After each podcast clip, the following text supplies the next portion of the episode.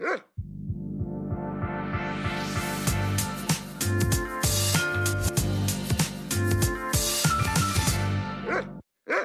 og velkommen til Hundorama. Denne gangen har vi laget en sommerspesial. Og nå er det dessverre høysesong for flått. Og veterinær Kristine Skogseth Jacobsen har flere gode råd til hvordan man kan beskytte hunden. Så er det jo viktig å bruke forebyggende tiltak. Som f.eks. Eh, tabletter, halsbånd, dråper. Det finnes etter hvert et veldig godt sortiment av forebyggende flåttbekjempende tiltak. Og hva skal hundene i Norge gjøre i sommerferien? Vi har vært ute og forhørt oss. Nei, Vi har vært eh, på tur på hytta som ligger på Tingvoll. Eh, og vi har vært på fjelltur i Rondane.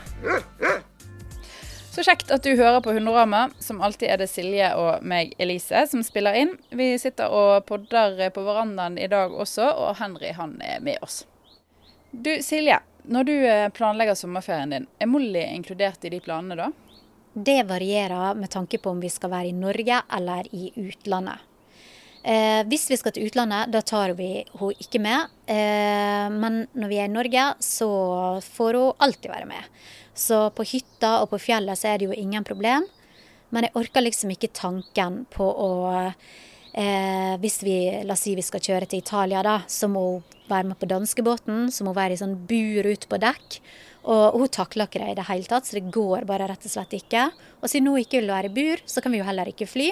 Eh, så da blir det noen begrensninger for henne. Eh, dere, da? Nei, Det er jo mye det samme her, og jeg syns jo det virker litt stress med vaksiner og alt det der formelle som må være på plass før du kan ta hunden med deg på ferie. Men når det er sagt, så skulle jeg faktisk ønske at det var mer tilrettelagt for å feriere med hunden her i Norge.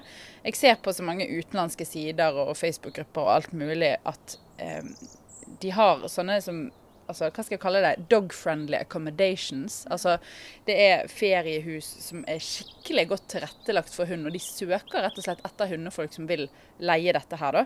Og da snakker vi altså svære inngjerda hager, store jorder og lange strender der det er helt fullt lov for hunder å løpe løs.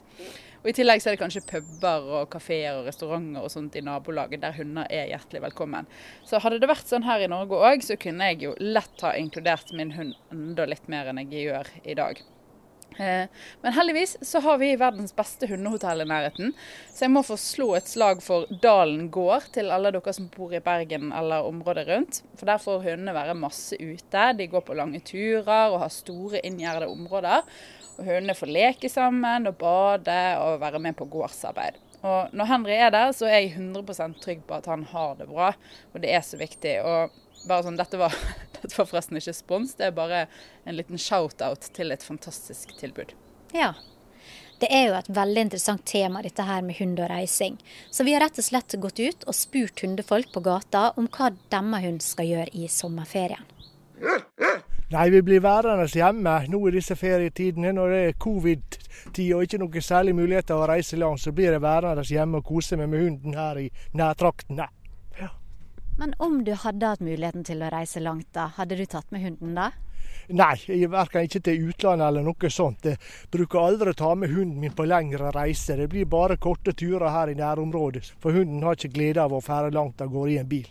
Så jeg tenker alltid på hundens beste. Det blir hjemme i år. Pleier du å ta dem med på tur? Eh, ja. Jeg har hatt dem med meg til Danmark. Kjøretur. Hvordan gikk det, da? Veldig bra. Må huske å ta rabiesvaksine og alt de skal, da. Eh, det må du ha for å komme inn til Danmark. Vi vurderer å dra på glamping en helg, og så ta henne med. Skal dere langt av gårde, da? Nei, det blir ikke mer enn én en eller to timers kjøretur herfra. Hva er det lengste du har tatt henne med noen gang? Mm, hun har vært med på biltur fra Ålesund til Bergen. Det var en lang kjøretur. Hva tips har du til eh, folk som har lyst til å ha med seg hunden sin på tur? Ja, jeg har ikke så veldig mange erfaringsår med hunder, men eh, det er jo det at en ikke må utsette det for varme og ha, huske å ta med både mat og drikke. Det er jo ikke alle plasser man finner det. Eh, hvilke planer har du og hunden i sommer? Eh, det er å reise på hytta på Fjørtofta. Mm. Har det noen gang vært aktuelt for deg å ta med deg hunden på en lengre tur? Nei, ikke nå. Ikke foreløpig. Tenker han må bli litt eldre i så fall.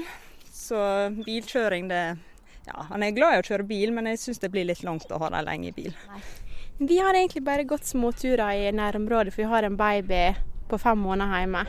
Så det blir det bare småturer i nærområdet. Har du noen gang hatt dem med på langtur på sommerferie? Ja, det har vi. Vi har gått masse fjellturer i tidligere somre. Nei, vi har vært eh, på tur på hytta som ligger på Tingvoll. eh, Og vi har vært på fjelltur i Rondane. Gått fine fjellturer der. Hva er det beste med å ta med seg hunden på sommerferie, syns du? Det er mye selskap i å ha med seg en hund. Eh, Ikke minst å gå tur, så gjør det litt ekstra å være på den turen hvis hunden er med.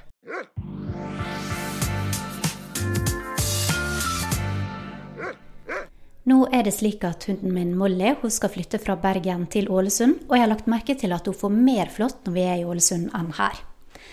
Så jeg tror jo at det må være mer flått der, og det gjør meg ganske fortvilt, for jeg syns at det er ekkelt å få det med inn i huset, og jeg er også selvfølgelig redd for at hun skal bli syk. Og det er dette her det skal handle om i Spør veterinæren-spalta i dag, og jeg er på Sandviken dyreklinikk sammen med veterinær Kristine Skogseth Jacobsen. Hei. Hei, hei. Hva er det vi kan gjøre for å beskytte hundene våre mot flått?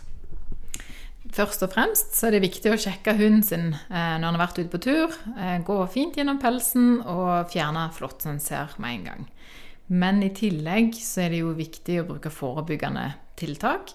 Som f.eks. Eh, tabletter, halsbånd, dråper. Det finnes etter hvert et veldig godt sortiment av forebyggende flåttbekjempende tiltak. Men eh, det er viktig å bruke de her medisinene som er reseptbelagt. For de er mye tryggere og sikrere i bruk på hund og katt.